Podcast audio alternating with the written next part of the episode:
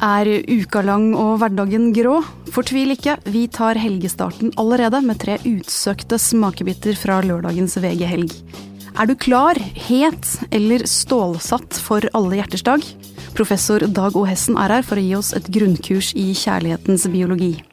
Nå er det på tide å kaste bokhyllene ut av norske hjem, mener interiørjournalist og forfatter Kristin Ma Berg. Er det det? Og det du sier og melder og legger ut på sosiale medier kan gi en pekepinn om hva slags hjertehelse du har. Twitter-legen selv, Wasim Sahid, stiller Twitter-hjertediagnosen. Størst av alt er kjærligheten, og vi starter med den. Lørdag er det altså valentinsdag, eller alle hjerters dag. Og jeg har lyst til å bare ta en kjapp rundspørring i gruppa først. Altså, Kommer dere rent privat til å feire kjærligheten denne helgen? Wasim Sahid? Det kommer jeg helt klart til å gjøre. Det blir konfekt og kort og blomster, det er sikkert. Det gjør det, ja. Mm. Dag O. Hessen?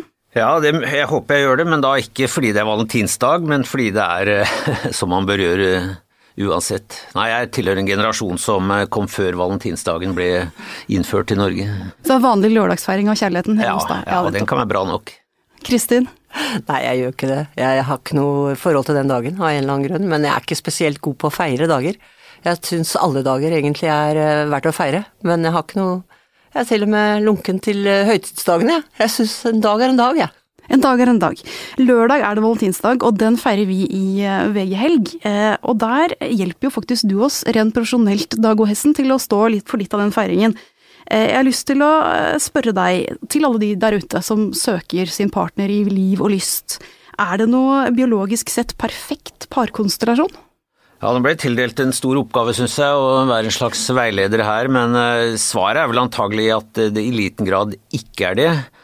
Eh, Samtidig er det åpenbart noen som virker mer attraktive enn andre, sånn allment sett, og, men vi har en personlig smak. Det eneste vi kan si er at det antagelig er lurt å ha en litt ulik immunsammensetning, sånn at immunforsvaret da får en dobbeltboost fra begge foreldrene. Men hvordan vet man det, ikke sant, når du står foran en fremtidig partner? Og noen mener at like barn leker best, og noen mener at ulikheter tiltrekker hverandre. Jeg tror begge deler er sant. Det eneste vi kan si er at veldig like barn, altså hvis vi blir så like at det er snakk om slektskap som ligger til grunn for likheten, så er det ikke heldig. Eh, Men ellers så er det jo det vi alle ser etter. Altså når vi er unge i hvert fall, så er det en partner som viser eh, signaler på fruktbarhet og vitalitet. Og der er det sånn at vi gjør en, en kjapp skanning første gang vi møter noen, og særlig en potensiell partner. Hvor vi vurderer disse tingene mer eller mindre ubevisst. Ja, helt ubevisst. Kvinner vil gjerne ikke være ved at de gjør det, men de gjør nok det helt sikkert de også, i hvert fall unge kvinner som er i etableringsfasen. Eh, Og det er mer en sånn visuell orientering, hvor man nettopp fanger opp disse signalene, om det er rett alder, eh, om det vedkommende ser eh, ja, har glimt i øyet. i Brede skuldre, han kan Ja, forsvare meg. Ja, nettopp alt dette. Og så er det en viss asymmetri mellom kvinner og menn, for det er klart kvinner har historisk, og gjør det nok fortsatt i en viss grad, ser etter menn som kan beskytte og som kan gi en viss status, mens menn da mer ensidig ser etter ungdom og fruktbarhet. Er det biologisk sett altså noen egenskaper som har overlevd opp gjennom evolusjonen, som gjør noen til bedre partner enn andre? Altså Er det fra noen fra naturens side som er mer utro, mer tilbøyelig til å være single, eller mer tilbøyelig til å være trofaste? Ja, det med trofasthet eh, har en ganske logisk biologisk forklaring i et eh, hormon som eh, dukker opp da når de verste forelskelsesrushormonene begynner å dabbe litt av, og man kanskje skal gå over i et fast parforhold og få barn. Så er det dette hormonet som heter vasopressin, som vi finner hos de fleste pattedyr. Som er limet i det langsiktige kjærlighetsforholdet, og som er et ekstremt nyttig hormon. Og det er klart at vi får nok utporsjonert dette i litt forskjellige mengder. Sånn at tilbøyelighet til å være trofast eller ikke, vil jeg tro i en viss grad henger sammen med dette. Så kommer jo selvfølgelig kulturelle trekk, eh, personlig moral, eh, eh, alt dette på toppen. Det man selvfølgelig ikke kan er å bruke lavt vasopressinnivå som unnskyldning for utroskap. Kan det måles? ja visst kan det måles. Vi, egentlig kanskje man burde tvangsfòre befolkningen med vasopressin for å unngå sidesprang. Så dette her med at vi, eh, monogami er noe nytt i historien, og egentlig er vi skapt til å ha mange partnere, det er, det er ikke helt sant. Altså, for vi har en hormonell utvikling som eh, rett og slett gjør at vi er flinke til å holde oss sammen. Ja, det kan du måle veldig greit, altså. Og våre nære slektninger apene, der er det jo noen som er eh, Altså gorillaen er veldig trofast. Det, det, kan du se også på en rekke biologiske kjennetegn, mens sjimpansen er i andre enden av skalaen. Mens mennesket er ganske monogamt. Og det er relativt få pattedyr som er så monogame som oss. Det gir jo en slags trøst for de som har hatt en, kjærlig, en kjærlighetshistorie eller en partner over noen år, da. At den, den gode sjanse for å kunne vare, selv om den første hormonelle rushet har gitt seg. Ja, Det er jo logisk, fordi vi, vi, investerer jo veldig mye i barna. Vi skal holde disse gående ikke bare til de er over spedbarnsstadiet, men vi skal forsørge de til de er eh, langt opp i voksen alder. Særlig nå når de er ungdommer til de er 35. og Derfor er det jo viktig at vi både har dette hormonet og denne trofastheten eh, for familiens skyld. Men det er klart, det, som sagt, det er underlagt kulturelle trekk også. Eh, utroskap var jo en dødssynd tidligere, og er det jo fortsatt en del kulturer, mens nå er det jo mer akseptert. Men biologisk er vi faktisk vesentlig mer eh, trofaste enn vi ofte er klar over. Det er jo en litt eh, positiv melding før valentinsdagen. Ble du, ble du litt glad? Ja, jeg må se. Hadde jeg visst det, så hadde jeg jo gått etter gorillaene da jeg var ung. Det var jo nok av de der ute. Eh, vi skal videre til et tema som kan være kime til mang, mang en krangel i parforholdet og familieforholdet, nemlig bokhyller. Eh, Kristin Maberg, du er jo da interiørjournalist og forfatter, og du har ertet på deg folk den siste tiden eh, med et interiørtips, fordi du mener rett og slett at nå er det på tide å kaste bokhyllene ut av stua? Jeg må bare rette litt på det, for det var ikke et tips, det var en kjensgjerning. Jeg er jo rundt omkring og, og ser masse boliger og særlig da blant unge, har jeg registrert at det er færre bokhyller enn da jeg selv var ung på 80-tallet, 70-80-tallet. Da var det veldig populært å bruke én vegg til billig bokhylle. Stappe den full av bøker du likte å lese, og det var også litt viktig å gi kjennetegn på hvem du var, i form av hadde du studert på Blindern, så hadde du noen bøker som liksom viste litt hvem du var. Og de fleste av oss var jo også medlemmer i bokklubben, i hvert fall veldig mange. og det var gjerne da kjekt også stille de bøkene som det ble debattert rundt. Da. I Dagbladet var jo den store den gangen, og det var liksom Solstad og alle sammen. Å ha de i sånn litt betrakterhøyde, det var litt kjekt. Så det handler om å vise fram sin ja, kulturelle kapital? Litt hvem du var. Ja. Og så hadde du kanskje de andre som ikke var så opptatt av det, som hadde såkalt seksjon jeg kan ikke si det lenger, for det er så lenge borte.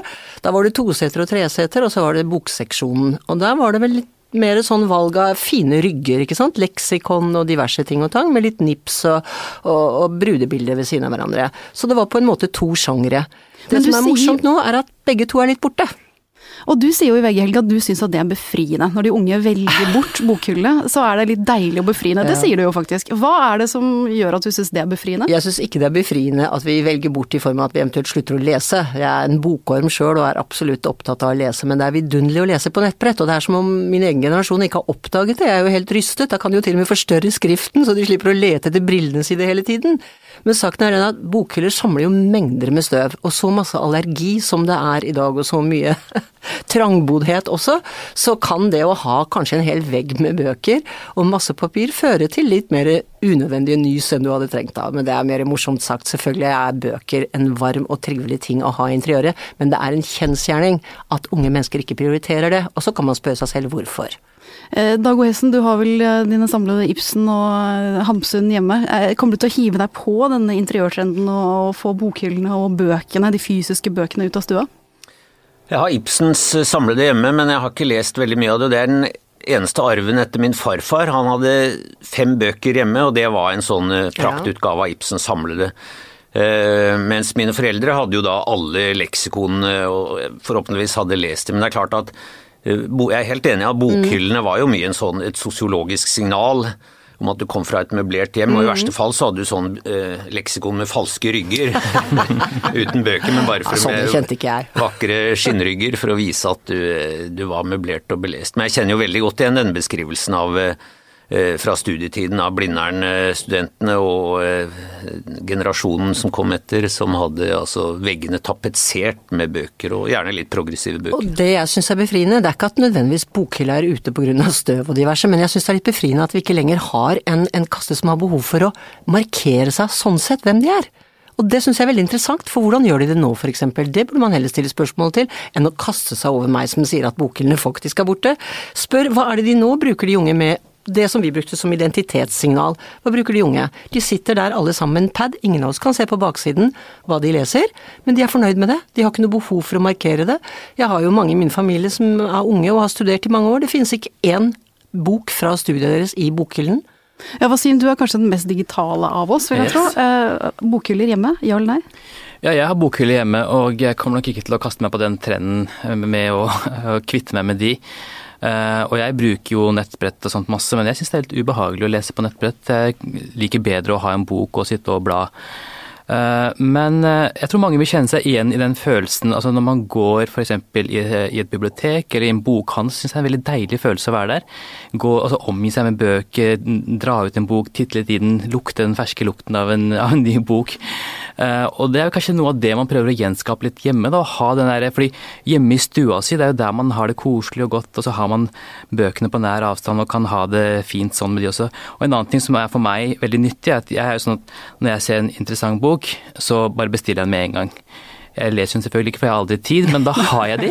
og da mener du fysisk, ikke på nettbrettet? Ja, fysisk så har jeg de, og når de er synlige for meg hele tiden, så gir de meg konstant dårlig samvittighet. At du må huske å lese meg. da har jeg en påminnelse om at jeg må lese den. Nettopp, så det er ikke kulturell kapital du eksponerer, det er mer selvpisking, det som står på veggen? Nei, altså nå har ikke jeg den samme måte, kulturelle bakgrunnen som kanskje de som vokste opp eh, her i Norge på 70- 80-tallet, så jeg, har ikke helt, jeg kan ikke helt identifisere meg med den tanken om at man skal vise en klasse eller hva det er gjennom eh, bøker, men eh, så jeg har de av en helt annen grunn, da.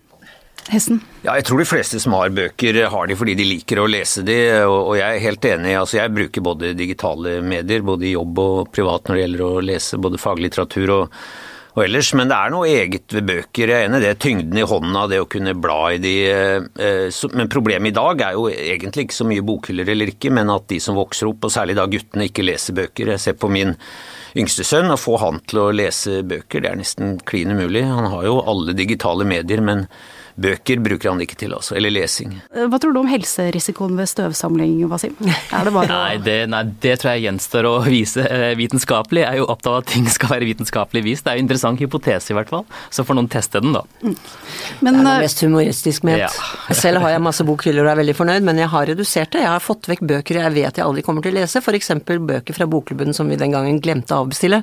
Og det er jo det som Det at det hoper seg opp, som innimellom kan ta litt livet av en, ikke sant. Og så tenker man nå må man begynne begynne, og det er det heldigvis mange som har gjort, har ryddet opp i bokhyllene sine, og det tror jeg ikke er noe usunt, akkurat. Du skal få siste ordet der. Eh, da skal vi videre til eh, de meldingene, Wasim, som vi legger ut på sosiale medier, på Twitter og på andre, eh, andre steder hvor vi ytrer oss. Du skriver jo i spalten din i denne utgaven av VG Helg at de rett og slett avslører hvordan det står til med hjertehelsen vår. Fortell om det. Ja, er det ikke rart? Jeg har jo fått tittelen Twitter-legen, ikke sant. Jeg vet ikke hvor den kommer fra, men jeg ser det som en hedersbetegnelse i disse tider. Og det er fordi jeg er på sosiale medier og har en slags helse-legeprofil. Og så er det sånn at jeg også jobber med hjertesykdommer. Så det er de to tingene mine, Twitter og hjerte. Så da det i, for et par uker siden kom en ny forskningsstudie som viste en sammenheng mellom Twitter-aktivitet og hjertesykdom, så kunne jeg ikke dy meg. Da måtte jeg selvfølgelig hive meg på den sjansen og skrive noe om det. For det forskerne har eh, sett da, det er at eh, de har analysert eh, Twitter-aktiviteten i ulike regioner. Og så har de sammenstilt det med forekomsten av hjertesykdom i disse regionene, og sett at det er en sammenheng. Og at man kan bruke Twitter til å forutsi hvor høy forekomsten er av hjertesykdom. Og, og, og den sammenhengen var faktisk sterkere enn om man så på om folk har diabetes eller høyt blodtrykk eller sånne ting. Så det var ganske fascinerende, egentlig. Men det handler om Hvordan, humør, rett og slett? Ja, og det, ja, det Hvordan er en hjertesyk-tweet? Ja. En hjertesyk-tweet? ja, det skal jeg fortelle. For det, det, de ser da, det er jo at um, de samlet alle eh, tweetsene, altså alle meldingene, eh, over en viss periode. Og så kategoriserte de tweetsene inn i eh, Altså ut ifra hvilke humør disse tweetsene var i. Om det var angstpreget, om det var sinne, om det var en hyggelig melding. Og det de så, var at de regionene som hadde høyest forekomst av negative følelser i tweetsene, eller, eller, høyest forekomst av negative tweets, de hadde også høyest forekomst av hjertesykdom. Og Da er det en hypotese at det er en sammenheng mellom, mellom kanskje humør og hvordan humøret påvirker sykdom. da. Mm. Skummelt. Ja, så hvis du, hvis du banner oss verte litt. Eh, man kan jo se på det som en sånn sunn utblåsning. Du holder på å koke over, du legger ut en tweet og sier nøyaktig hvor skapet skal stå, så åh, kjennes det litt deilig etterpå. Men det er feil, altså. Det er innbilt av deg. Nei, det altså Jeg tror ikke vi skal dra den der uh, analogien for langt heller, men hvis du, er, hvis du på sosiale medier la oss si, banner og sverter, og så, jo, så sier de kanskje litt om hvordan du har det i livet generelt også. Så, så, det er et uttrykk for Man har jo brukt Twitter-aktivitet tidligere også for å vise Eh, influensatrender f.eks. Man kan eh, forutsi ganske presist hvor og hvor stor grad den kommer til å slå ut ved å analysere folks eh, Twitter-aktivitet. Men det er vel litt dristig å se folk med temperament og folk med litt sånn hva skal man si kanskje pessimist og grinete nødvendigvis er hjerte, potensielle hjertepasienter? Ja, altså det, det, Grov slutning det der? Nei, selvfølgelig. Det er jo ikke skal, det, det, er jo langt an, mange andre ting som, som påvirker forekomsten av hjertesykdom. Og det er ikke sånn heller at eh, det er disse, nødvendigvis disse twitrerne eh, som er også de som er utsatt for hjertesykdom. Fordi man husker at Twitter-brukeren er generelt mye yngre enn eh, folk med hjertesykdom. Og, og, det er mer det at de kanskje kommer fra en, et område hvor det er høyere forekomst av hjertesykdom. Kanskje høyere sånn menings... Ja, jeg tenker også det er åpenbart at de som har en optimistisk legning, det er jo vist i mange sammenhenger, de som ser at glasset er halvfullt, det har mindre helseplager enn de som ser at glasset er halvtomt. Og jeg tenker at Hvis man hadde sjekket ut en del av disse som kontinuerlig kom med sånne sure gruff i kommentatorfeltene Det er jo en egen mm. underverden der ute som bare slår ned på ting. At de også har helsemessige problemer, tenker jeg.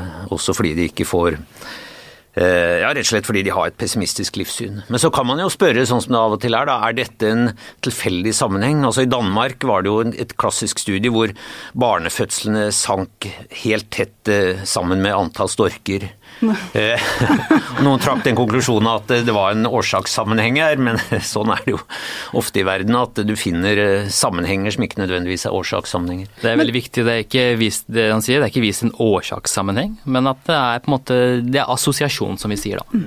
Men uh, gjennom evolusjonen da, Hesten, er det, er det de positivt tenkende menneskene som møter verden og utfordringene med et smil, eller er det de som uh, blåser ut og tar opp kampen, som uh, kommer seg opp og frem i verden?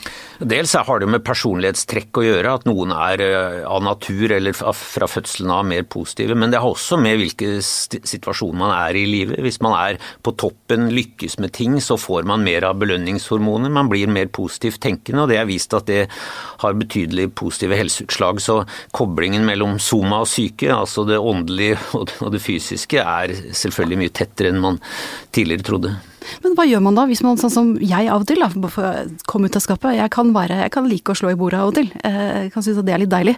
Eh, hva skal jeg da heller gjøre enn å slippe til gruffet jeg har inni meg? Har du noen sånn quick fix, eh, Wasim? Nei, jeg har ikke det. Jeg tror, skal, jeg tror, ikke du skal legge om vanene dine helt på bakgrunn av denne ene studien her.